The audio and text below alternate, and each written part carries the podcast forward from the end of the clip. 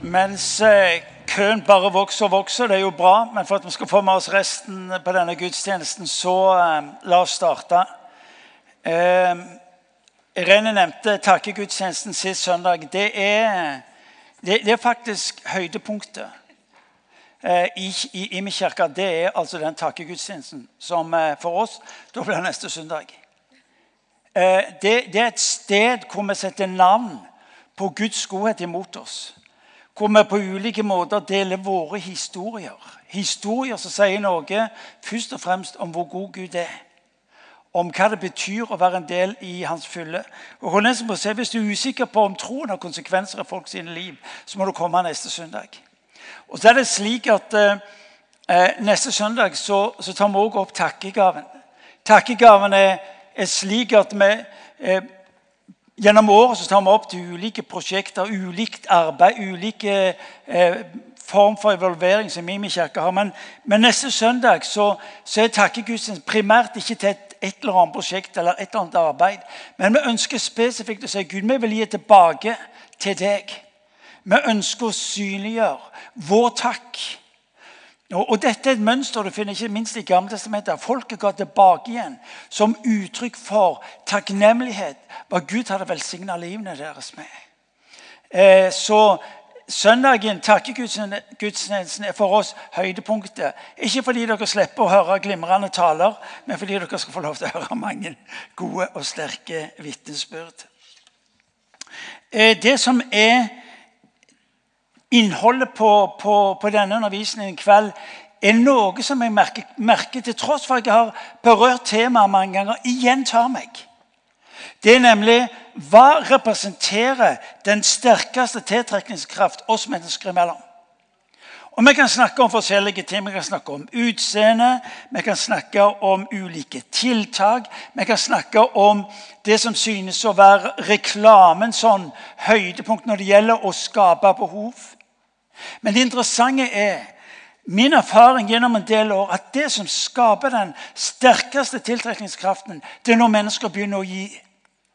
Når du begynner å gi, så skapes det en tiltrekningskraft.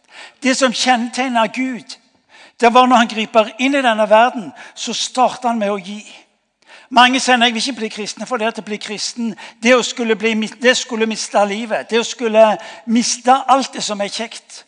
Og så har de altså hørt karikaturene av at eh, blir du kristen, så blir livet grått, trist og kjedelig. Mens det som er Guds anliggende, det å si vet du hva, når jeg betaler en pris på korset, så vil jeg at du ikke skal gå glipp av noe av det jeg har for deg. Når Bibelen taler om en Gud som er i bevegelse, så sier han for så høyt av Gud elsker verden at han ga. Kristendommens kjennetegn er å skulle gi. Kristendommens kjennetegn det at mennesker skal bli utsettes for en Gud som har ett fokus, nemlig å gi. Å bli en kristen er å bli kobla opp til et reservoar. Er å bli kobla opp til en dynamikk og til en liv som har ett fokus, og det er å ut og berøre mennesker. Kirka eksisterer for én en eneste ting primært. Det å gi ut. Jo, Vi kan snakke om undervisning, vi snakker om tilbedelse. Vi kan snakke om en hel masse ting som kirka gjør. Men det kokes ned til én ting. Nemlig å gi videre det Gud har gitt inn i denne verden. For et privilegium! Tenk etter.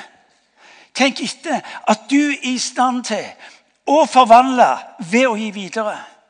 Når du står opp om morgenen, så kan du tenke Gud, hva skal jeg få lov til å gi videre i dag? På hvilken måte kan jeg få lov til Jesus å berøre mennesker på en slik måte at de våger å tro at du er Gud, og at du er god? At ditt mål er ikke å redusere, ødelegge og forkrøple, men å sette fri og skape nytt mot, ny lengsel. Når du og vi ble kristne, så kobles vi til en relasjon. I dag tidlig så snakket vi om dåp. Dåp er relasjon. Dåp er paktsinngåelse. Dåpen har et forbilde i den gamle om du vil, eh, testamentet, hvor omskjærelsen av alle guttebarn skjer etter åtte dager. Dåpen er sånn en pakt. Dåpen er et uttrykk for at Gud sier vet du hva? uansett hva du gjør, så står jeg ved det ordet som jeg sa over ditt liv når du ble døpt. Fabelaktig. Ja, men jeg bryr meg ikke om dåpen. Ja, det er godt mulig. Men Herren sier, 'Det jeg gjorde med deg, står fast'. Så å bli en kristen betyr egentlig både å komme inn i en relasjon, men også bli en del av en pakt hvor Gud sier uansett hva du gjør, så står jeg ved pakten. Deri ligger noe av det dramatiske. Deri ligger noe av det at Gud tør. Ja, det er riktig når mange mennesker har vendt han ryggen. Selv om han står ved det han gjorde i dåpen. Og så skal du og meg få lov til å vite når livet blir kronglete, når livet blir slitsomt, og vi vet ikke alltid hvordan det er med oss, så skal du og meg få lov til å tenke i dåpen handla Gud med meg. Hvor ofte så blir ikke du og meg i tvil om vår bekjennelse? Ja, var nå skikkelig nok? Når min omvendelse ja, var det 100 Og så er det en hel masse ting som angriper oss og prøver å fange oss. Vet du hva, Martin?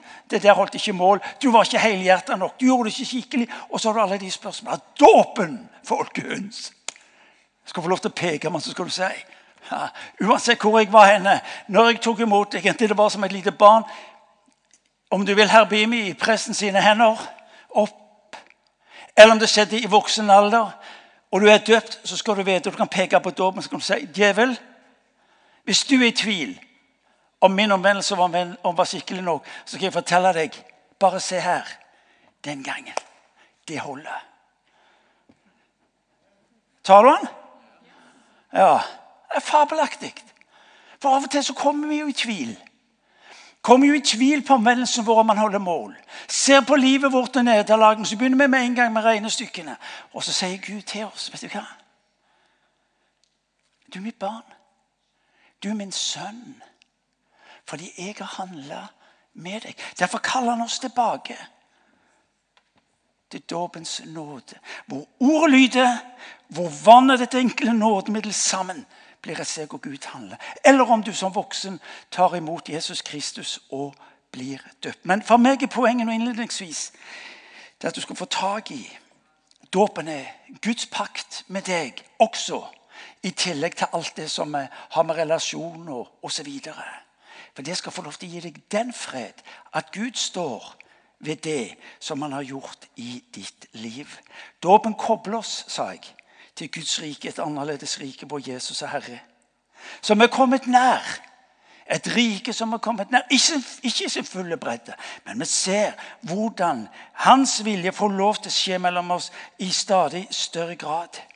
Jeg sa at det er ikke noe som er så forvandlende som når et folk begynner å gi ut.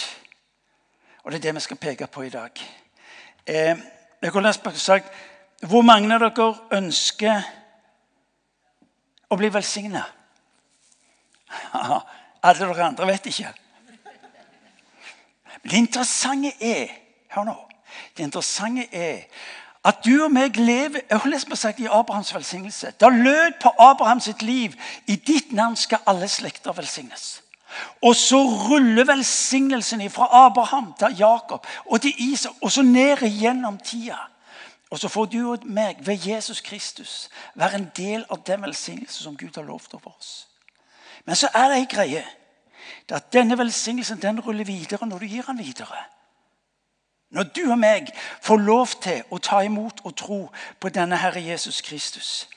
Når eh, Paulus skal uttrykke dette i Efeserbrevet kapittel 1 Dere som har med dere Bibelen, eller som eh, har det på iPhone Utrolig hvor mye folk husker i dag.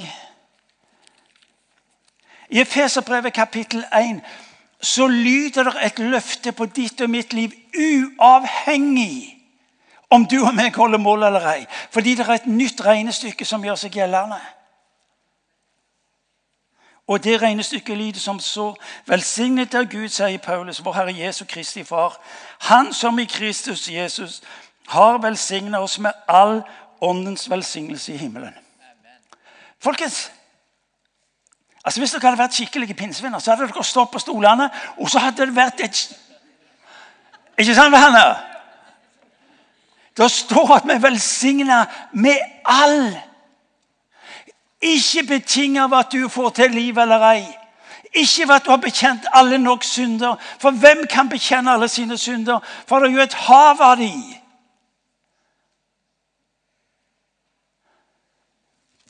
Men på grunn av Han er du og meg velsigna med all åndens velsignelse i himmelen. Hvordan får jeg tak i det? Bare hør. Du skal få tak i det litt lenger ute. Så står det Kristus utvalgte. I Kristus utvalgte han oss. Det står at vi skulle få rett til å være hans barn ved Jesus Kristus.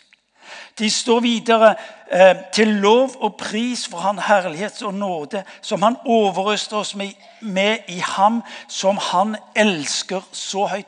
Hva er det du får tak i? Det står at i han så overøses vi, så overdynges med all åndens velsignelse. Og du spør ja, men hva med meg, da? Det er nesten så jeg vil si du er interessant. Ja, men jeg holder ikke målene, så er det ikke interessant engang. Ja, men Det var så mye jeg skulle gjort annerledes, ja, det riktig men det er ikke interessant engang. For det han egentlig ber deg om, det er å søke hans ansikt. Salme 105 vers 2 sier 'Søk mitt ansikt'. For når Gud skal gjøre noe i og gjennom ditt liv, så tar han utgangspunkt i det han vil gjøre. Hvem han er, for at ditt liv skal ha betydning. Det er evangeliet, folkens. For Hvis han skulle ta utgangspunkt i noe i Martin Cave, skal jeg fortelle dere til tider det er rimelig stykkevis og delt. Å ja! Dere ser på meg nå dere tenker han er flott kar, han der Cave. Noen i hvert fall. Noen vil si at han ser jo litt avblomstra ut, men, men er rett bare sett fra det.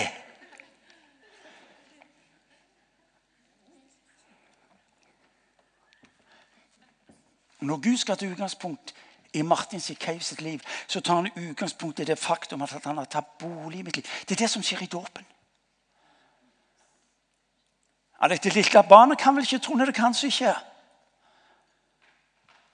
Dåp er ikke primært om et barn eller et menneske kan tro eller ei. Dåp er primært at Gud tar imot. Det er evangeliet, folkens. Kristendommen er i sin essens en Gud som tar imot de som kommer til ham. Ja, det kunne vi snakket mye om. Det skal jeg gjøre en annen gang. Jeg får med slutten, forresten. Efeserbrevet kapittel 1.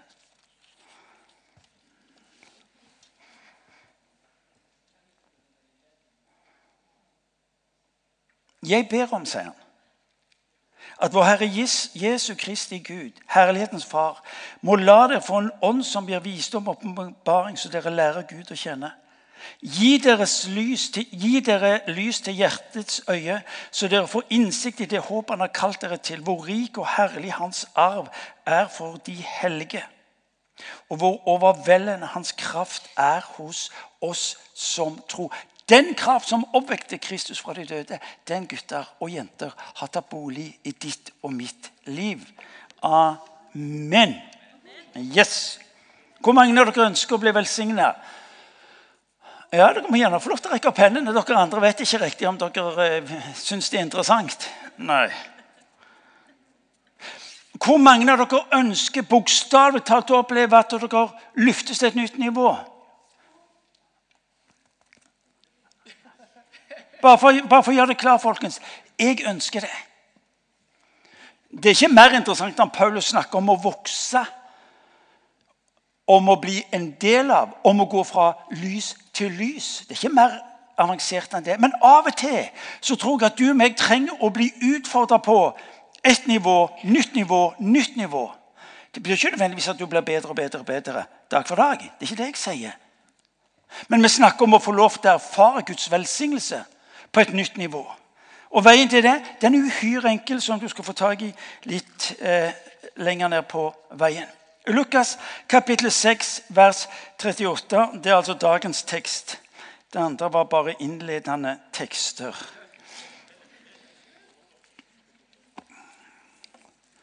Der står det Gi, så skal dere få.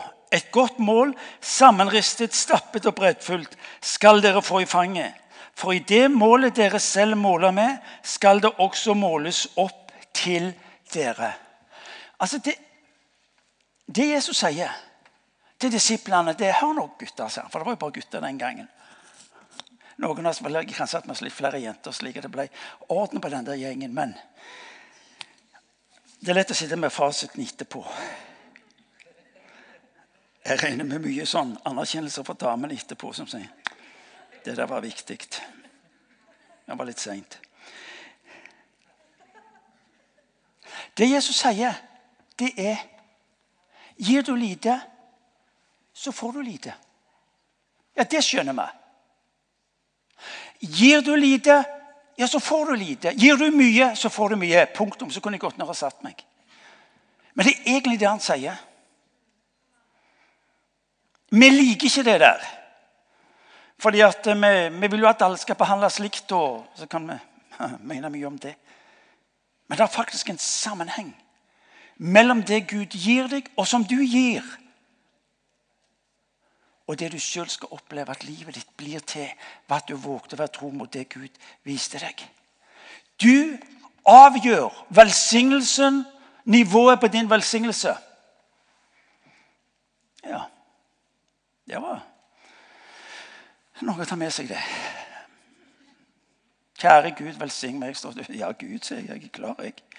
Men er du? Gud, du må velsigne meg, og så Så skjer det ingenting. Er det så enkelt, Martin? Ja, bortimot. Så enkelt er det. Fordi at Velsignelsen defineres ikke ut ifra de såkalte omstendighetene. Din bønn, din overgivelse. Men hvordan du og meg tenker og handler. Bibelen koker dette ned til å gi.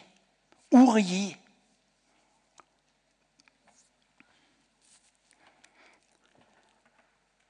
Når du og meg tas inn i livssamfunnet med Jesus Kristus ved vår bekjennelse, har du alt det du trenger for frelse. Du kan ikke legge noe til.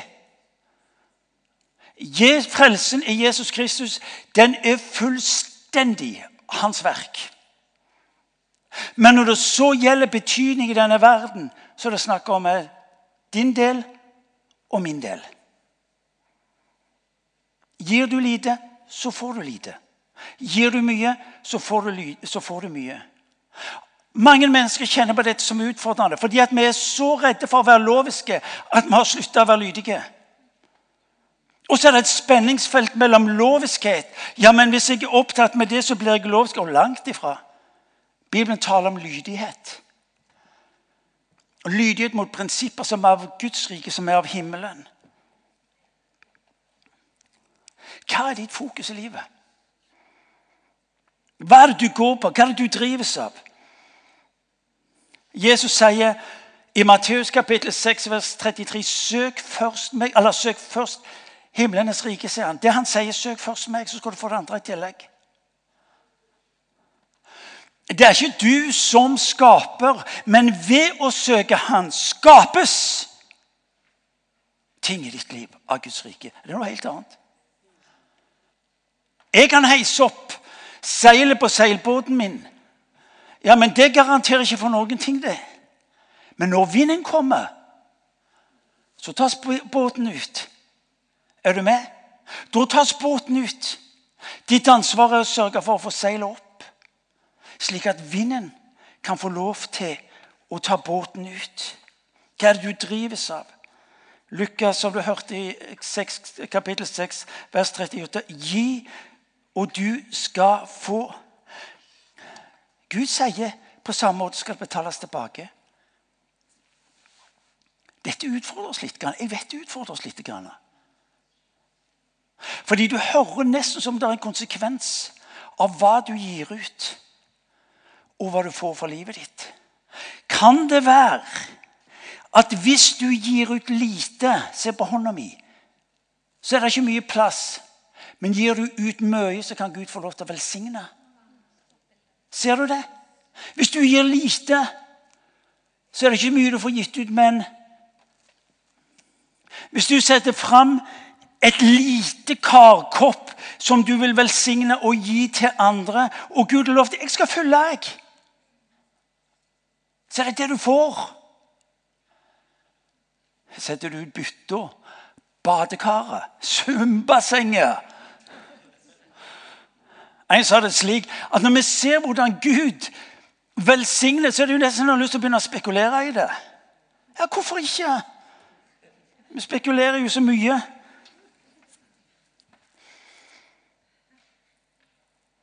Når du og meg ser frøet, så ser Gud treet og skogen. ikke sant vel? Dere har hørt meg si det mange ganger. Bonden ville aldri funnet på å se der han sitter med bytter med frø og sier vet du hva? Nei, jeg har, ikke, jeg har ikke råd til å gi ut så mye fordi at jeg, eh, jeg må ha til mat. Og så, og så begynner han å regne opp alt han har bruk for. Så er det bare en liten bit han går ut på marka, og så sår han. Og du meg sier, her har du bruk noe ved. Har du ikke gått på landbruksskolen? Gi, så skal du få. Guds ord sier noe om å gi ut. Plante. Og når du gir ut, så er det min mulighet til å velsigne deg. Du har en Gud som lengter etter å velsigne. For at ditt liv kan bli til velsignelse. Og den fabelaktige syk Ser du det? Dere som skjønner bildet, kan dere nikke. Dere andre som ikke nikker, dere aner ikke hva jeg snakker om.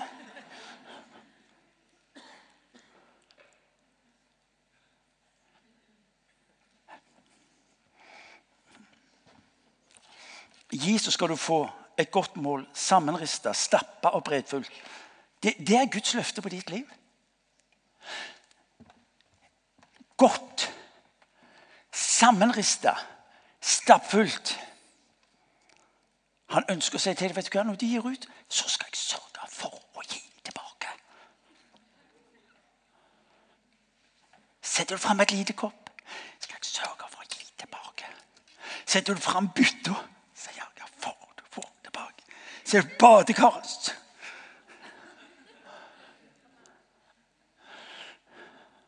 Men det er sånn du har lyst til å legge bankkort og klokka som representerer tida. Alt det du kan, så er du Å, kjære min, jeg er klar. Jeg investerer. Ja.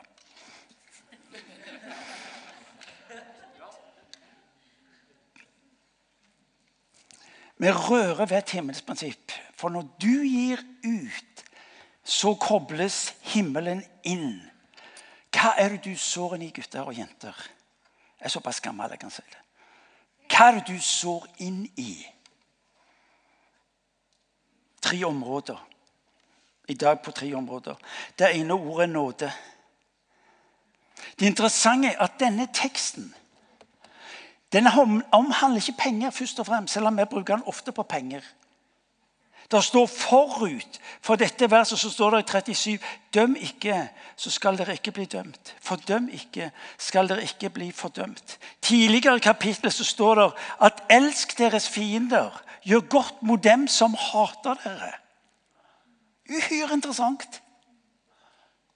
Når Bibelen taler om å gi, så skal du få, så snakkes det ikke primært om penger, men det snakkes om relasjoner, om holdninger må du og meg sprenge grenser i eget liv for å skulle tilgi. For noen er det gjerne det. For å skulle være overbærende. Hvem er det du hater? Hvem er det du misliker? Hvem er det du er skuffet over? Hvem er det som trenger nåde fra deg?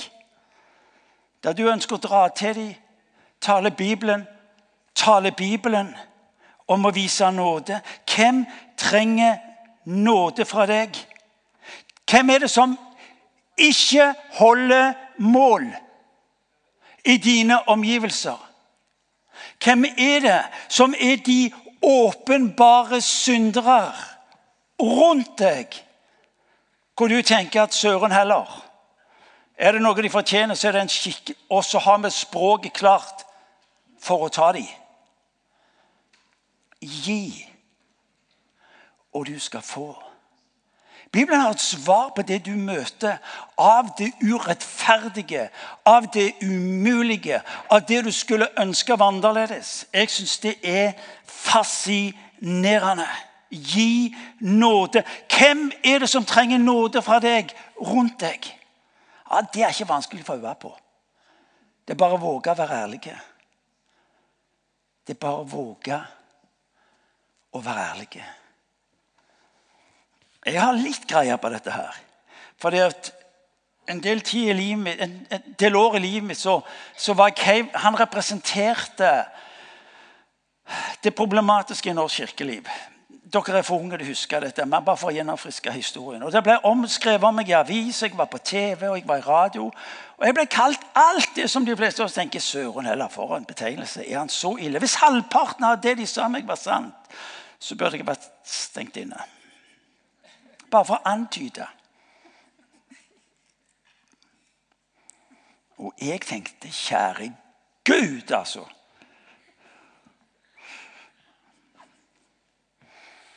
Men jeg hadde lært noe. Og det var at veien til selvødeleggelse var bitterhet. Jeg visste at hvis jeg valgte hatet, så hadde jeg tapt kampen. Og jeg var livredd hatet. Jeg var livredd bitterheten. Så fra dag én av så bestemte jeg meg for vet du hva? Jeg velsigner dem i ditt navn, Jesus. Hvis det passer, så tar jeg gjerne livet av dem. Jeg ba ikke om ødeleggelsen, men jeg sa hvis det passet. Det med. Det var jo det David gjorde. Han gjorde jo det. Hvis det passet, så Ja. Var, du får tak i poenget mitt. Det var ikke hovedbønnen min. Men fra dag én av så bestemte jeg meg for Gud. Velsign dem. La de erfare Gud, at du velsigner dem til bånn av deres liv. På en slik måte at de får lov til å leve rett med deg og gjøre det du har kalt dem for. Vet du hva? Når folk da 20 år seinere kommer til meg og de står også offentlig fram og så beklager de det de har sagt om og gjort mot Martin Cave. Så har jeg glemt det. Det er ikke lenger en del av livet mitt. Nå skal du høre. Når du og meg velger å vise og møte omgivelsene våre med nåde, ved å gi ut Guds nåde, så er du fri. Du er fri. Og når du og meg er fri, da er vi i stand til å leve det livet Gud har gitt oss. At du senere kan få nåde til å se at omgivelsene også endres. Men det er bonusen. Det viktigste i de vanskelige tider er at du er fri. Og det gjør du når du gir ut av Guds nåde inn i det som er vanskelig, urettferdig, ubehagelig. Han kaller deg til å gi i rikt mål i rikt mål. Det interessante med nåde den er oppsøkende. Ja, Hvis de kommer og gir, og gir beskjed eller beklager og alt det der, så ja, men det er ikke slik det funker i Guds rike. Gi, så skal du gis. Og når du gir ut av Guds nåde, så høster du nåden for ditt eget liv. Du høster Hans fred for ditt liv, og du høster Hans frihet for ditt liv. Hvem trenger nåde fra deg? Håpet, trøsten. Og når du gir ut håp, når du gir ut trøst til de som ikke fortjener Husker du hva jeg sa? I teksten så sto det om de som var fiender. Om de som det var grunn til å dømme og fordømme. Når du gir ut nåde mot de som om eh, dine omgivelser Skal jeg fortelle deg? Da forandrer du Da forandrer du atmosfæren, for å sitere Leif Etland. Da forandrer du miljøene som du er en del av. Og folk vil våge, som de gjorde for meg 20 år seinere. Martin, du ja, Fabelaktig det arbeidet du, du, gjør, Martin. Utrolig hva du har bygd opp. Så jeg tenker, For det første så skjønner du ikke hva dette er for noe. for Dette har ikke med Martin Cave å gjøre. Men jeg tenkte ja, det stemmer. Det var du som hadde riktig sterke vitnesbyrd av Martin Cave for noen år tilbake. Jo, jeg kunne nok ønske for en tid tilbake. Men jeg kjente når de kom med det, så var jeg i frihet. Vet du hva? Gud har ett mål. Det er å sette deg i frihet. Og friheten blir din når du gir ut av nåde mot de som ikke fortjener det. Det var det første punktet. Det andre punktet det er å gi ut av tida di, av det rommet som du har rundt deg. Jesus ble avbrutt hele tida, og han lot det skje kontinuerlig. Og Nå spør jeg ikke om du har noe tid for å være med i barnearbeid eller, eller ungdomsarbeid. eller hva det måtte være her i kirka. Men når du står opp om morgenen, så begynner din vandring gjennom den dagen. Og det var det du gjorde med Jesus. Gi. På vei til bussen. På vei til jobben, på vei til skolen, på skolen, under lunsjen, i klassen, på jobb. Hvor det måtte være henne. Gi ut. La tiden som du er en del av sammen med de andre, være ditt utgangspunkt. tida. For når du har et fokus på å ville gi ut, vet du hva, da ser du annerledes. Da ser du annerledes. Fordi du ser etter mulighetene. Du berører mennesker på en annen måte. Og du våger å stoppe opp.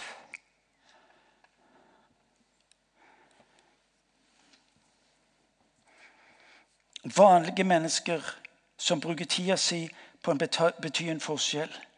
Du er nemlig en Guds gave til denne verden. Du er en Guds gave til denne verden.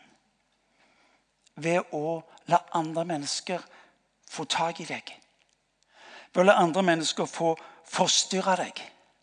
Ved å la andre mennesker forhindre deg i å få gjøre alt det du skulle gjøre. Jeg skulle ønske at Imi kirka sine folk og så for dere andre som kommer fra andre menigheter, hører det. Vi skulle ønske vitnesbyrder fra Imi kirka sine folk. Vet du hva? Altså, Det går ut om morgenen, så er livet mitt det er permanent forstyrrelse og avbrytelser.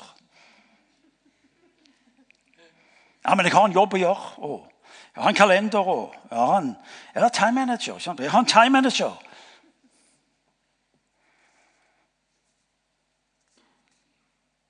Du leser evangeliene. Hvor det skjer størst under og mirakler. Det er når Jesus er underveis. Til, fra et sted til et annet sted. Så er det ei dame som tar tak i, i jakken hans. Så er han på vei, så er det ei mor som opplever en dyp sorg av, av at sønnen er død.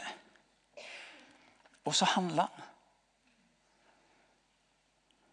Og Det interessante er i denne beretning som du leser om i kapittel 7 i Lukas evangeliet. Det var ikke mye tro på den plassen. Sønnen var død. Der var det ikke mye tro. Mora var opptatt med helt andre ting enn Jesus. Der var det heller ikke mye tro. Men Jesus så. Når du går ut om morgenen, møter mennesker, ser de ulike situasjoner, så ikke bare vent på at mennesker skal ta tak i deg og si 'du'. Men når du ser, så stopper du opp, og så bringer du liv inn. Liv og død er på tunga di, sier Bibelen. Nåden er oppsøkende. Nåden er av en sånn karakter at når den ser behov, så vil den søke å fylle det. Jeg skal garantere deg at hvis du når du står opp i morgen tidlig og sier Jesus vil du hjelpe meg til å gi ut av ditt rike, så vil du begynne å se mennesker og muligheter på en helt annen måte.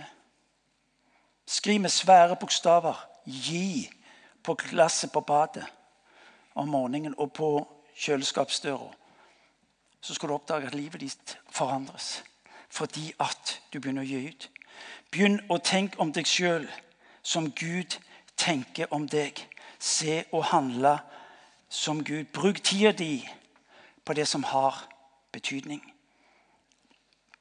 Det tredje området er ressurser. Og Igjen så er vi i Lukas evangeliet kapittel 6. Igjen er det det interessante. Det står i vers eh, eh, 20 vers 30, ja, Vi kan ta vers med 29 òg, for det er også litt sånn interessant. Det står det slår noen deg på det ene kinnet, så by fram det andre også. Om noen tar fra deg kappen, så nekt dem heller ikke skjorten. Når du og meg skal forvandle mennesker og samfunn rundt oss, så, så sier Bibelen gi fra deg skjorta. Gi skjorta di. Hva betyr det egentlig? Å gi betyr å si nei til seg sjøl i møte med mennesker som ikke fortjener det. Når, når, Bibelen taler om et liv, om et Kristusliv, om en Kristus-etterfølgelse, så er det kokt ned til én ting. Jeg ber dere om én ting, Martin Kev og alle dere andre som følger etter meg. Jeg ber dere om én ting. Det å gi videre det jeg har gitt dere. Det å gi videre det jeg har gitt dere. Spør ikke om hva du kan. Spør ikke om hvor flink du er. Jeg spør ikke om også alt det der. Men jeg ber dere om én ting. Gi videre den nåde du sjøl har mottatt.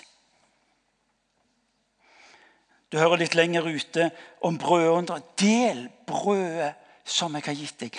Del livet som jeg har gitt deg. Den som gir, har tiltrekningskraften. Derfor samler folket seg om Kristus. Gi er et nøkkelord. Jeg skal begynne å slutte. Den som gir ut velsignelse, blir sjøl velsigna. Nå har du fått nøkkelen. Ønsker du å se livet ditt bli velsigna, så har Bibelen ett ord. Jesus har ett ord til deg. Det er å gi. Gi ut det jeg gir deg. Så enkelt er det. Hvis du går og venter på den rette åndelige, fromme følelsen, skal jeg fortelle deg, da kan du vente ganske lenge. For til tider så har jeg den, og jeg kjenner det i hele meg at Jesus kaller meg nå til å gi ut. Og Andre ganger så kjenner jeg ikke noen ting. Men behovet er tydelig. Ikke la dine følelser definere din handling. Men din måte å tenke på, nemlig å se mennesker som Jesus ser mennesket. Ofte er løsningen på dine egne problemer til å begynne å gi til andre mennesker. Overfor depresjonen, etter å være nede, eh, nede etter å kjenne seg utslått. Det å begynne å gi ut. Begynn du bare, og du vil oppdage at livet ditt forandres. I dag utfordres vi, og du skal utfordres på to ting. I dag utfordres vi på flyktninger, som Irene sa, som kommer til landet vårt. Frykten for dette har ulike ansikter. Norsk kultur endres med de mange som kommer inn fra en annen kultur, et annet land. Mange av dem er muslimer. Mange er redde for at de skal ta over.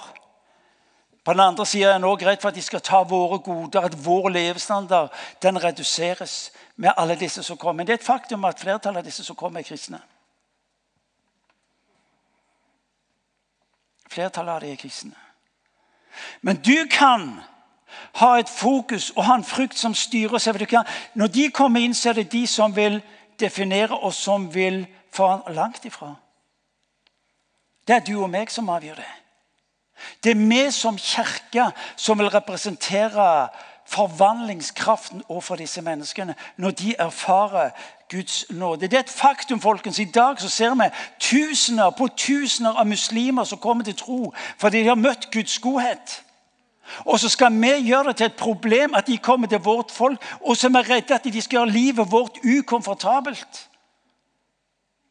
Forvandlingskraften ligger i det at Gud har sagt 'jeg er mellom dere' for å forvandle deres liv og de menneskene som kommer rundt dere. Du gjør det ved å gi ut. Å være med i IMI er å sprenge grenser. Du kan ikke være i IMI uten å bli utfordra. Takk og lov. Hvorfor det? Fordi vi ser potensialet i deg. Altså Hvis du er ei pingle som er opptatt med å tenke på deg sjøl bare, da er ikke IMI plassen å være. Det er altfor slitsomt. Det er altfor krevende. Ikke sant? Ja, sier Aleksander. Hvis livet ditt er meg, meg med Gud, velsign meg, meg hvis, hvis, det er posituren din, så skal jeg fortelle deg Imi blir en slitsom plass. Men hvis ordene dine blir 'hvem', 'hvem', 'hvem kan jeg få lov til å gi til'? Da skal jeg fortelle deg, da skjer det noe med ditt liv. Du er en del av den strømmen av velsignelse som Gud har for menneskene rundt deg. Da står du opp i morgenen så vet du at jeg er i stand til å forvandle. Ved bare å gi videre Guds velsignelse. Ved å gi videre det Han har gitt meg. Å være med i IMI er å sprenge grenser. Du er skapt for en større historie. Vi ønsker du skal se på deg sjøl skapt for en større historie. Med betydning i hjemmet, på arbeidet, samfunn og skole. Hvorfor? Fordi du skal betros mer.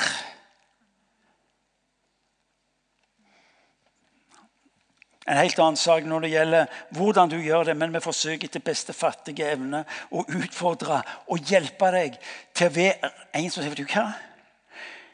Jeg får lov til å være til enda større velsignelse i dag enn jeg var for to år siden, for fem år siden. Fordi jeg har våget å være en del av det Gud gjør inni denne verden. Derfor sier vi her i huset så ofte å være med på det som Gud gjør. Ved inngangen så ligger det en sånn en. Det er en fast. I disse dager jobber vi med, med givertjenesten vår. Vi ønsker å utfordre folket til å være med og eh, gi oss muligheten til å berøre stadig flere mennesker. Her ligger også for deg som ikke har sett eh, kirka sin treårsplan. Vi tror at det i kirka er kalt til å bety en forskjell. Og skal vi lykkes med det, da trenger vi at dere som sier at du er i kirke er vår kirke. Da trenger vi at dere sier ok, vi må øke. Vi må øke det vi gir inn i menigheten, for det betyr at vi kan få lov til å velsigne flere. Og Hvis du da har en liten baktanke med det, så er det også helt i orden. For når jeg gjør det, så blir jeg velsigna tilbake. Det er helt i orden. Ikke si det til noen. Er du med? Helt i orden.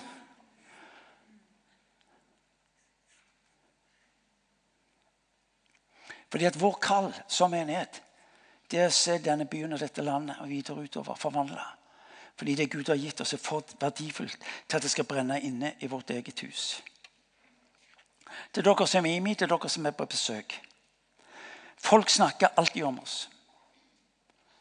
Det er uhyre interessant å møte folk som kommer til meg for tida. Før snakket de om oss. Eh, de forsto seg ikke på hva vi gjorde. I dag, Siste uke snakket jeg med tre pastorer. Og De forteller hva, Martin? Imi har blitt et forbilde for oss, for mange av oss. Det forbildet er ikke Martin Keiv, det forbildet er dere. Det er dere som er et forbilde i tro, i kjærlighet og i overgivelse. Og Jeg kjenner på en stolthet å få lov til å være en del av det. Fordi dere blir forbilder for mennesker rundt omkring i dette landet. Og nå utfordres dere til å ta et nytt steg, et nytt nivå av å se mennesker og samfunn forvandles. Hvordan? Hvor krevende er det? Ganske enkelt ved å gi videre det han har gitt deg. Ja, Men det kan alle være med på. Alle kan justere opp. Både i forhold til å elske de som ikke fortjener det, til å bruke ressursene mine, eh, pengene mine, på de som jeg ser. Vet du hva? Gud, la meg få lov til å være en mulighet. Til slutt. Det står i Gjesters bok, kapittel 4, vers 14. Og hør nå. Ester er i en dramatisk situasjon med sitt folk. Folket står i fare for å bli drept. Folket står i fare for å bli utrydda. Og inn i den situasjonen så sier hennes, hennes fosteronkel Mordekai Ester, kanskje var det for denne tid at du hadde dronningverdigheten. Folkens, jeg tror at vi i denne kirka er som skapt for denne tida til nettopp å bære med oss, bringe med oss, gi ut av det nådefulle ordet fra Jesus Kristus til menneskene i dette landet. Til de nye som kommer her. Når folk er redde, skal vi selvfølgelig ikke være redde fordi at eh, den Gud vi tror på, han har sagt han skal være nær de menneskene som kommer. Vi fikk et ord, dere må få det med, eh, i Salme 107. Vi fikk det på bønnetimen på tirsdag. Forresten, det er der må dere se å komme. Det er en fabelaktig plass å være. Hør nå. Og der lyder ordet til oss.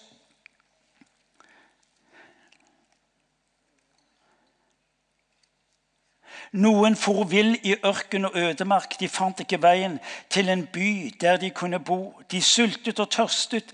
Kreftene tok slutt.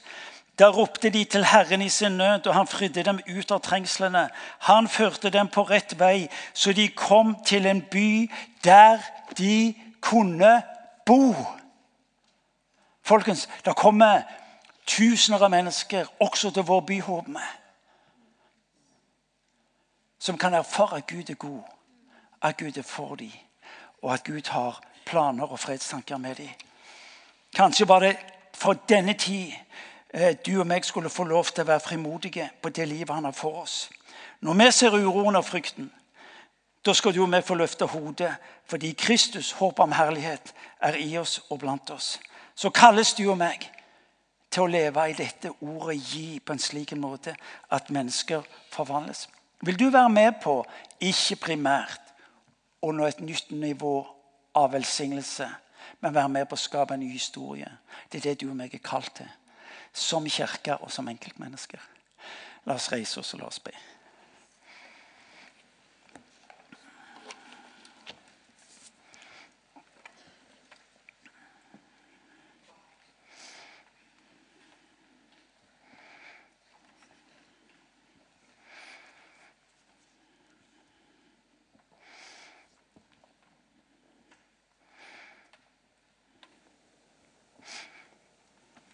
Det interessante er at når, når Paulus i brevet til filipperne skal på et vis skal gi oss en type bilde av Kristus, så står det at Kristus akta det ikke for tap og skulle si nei til sin rikdom for å kunne bringe rikdom til deg og til meg.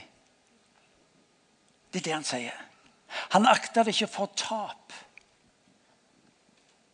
Og det er, du, det er det du og meg kalles til. Det er det du og meg kalles til. Det som vi holder fast på, og som ofte blokkerer, så sier han 'slipp taket', slik at jeg ved det kan få lov til å være denne velsignelsen for mennesker rundt deg. Når du står opp om morgenen, så vet du at i dag har Gud ett ønske. Det er å velsigne mitt liv med de menneskene som jeg treffer, og så skal jeg få lov til å gi ut det. Disse to enkle bokstavene satt sammen til ett ord, 'gi', er altså det som forvandler ditt og mitt liv. Det er det som forvandler samfunnet. La oss be. Herre Jesus Kristus. Herre, du sier at du, du akter det ikke for tap ved å skulle slippe taket på din verdighet, på din plass i det behagelige. Men Herre, du steig ned. Du var den som rydda plass for å bety en forskjell i menneskers liv. Ved at du dør for de som ikke fortjener det.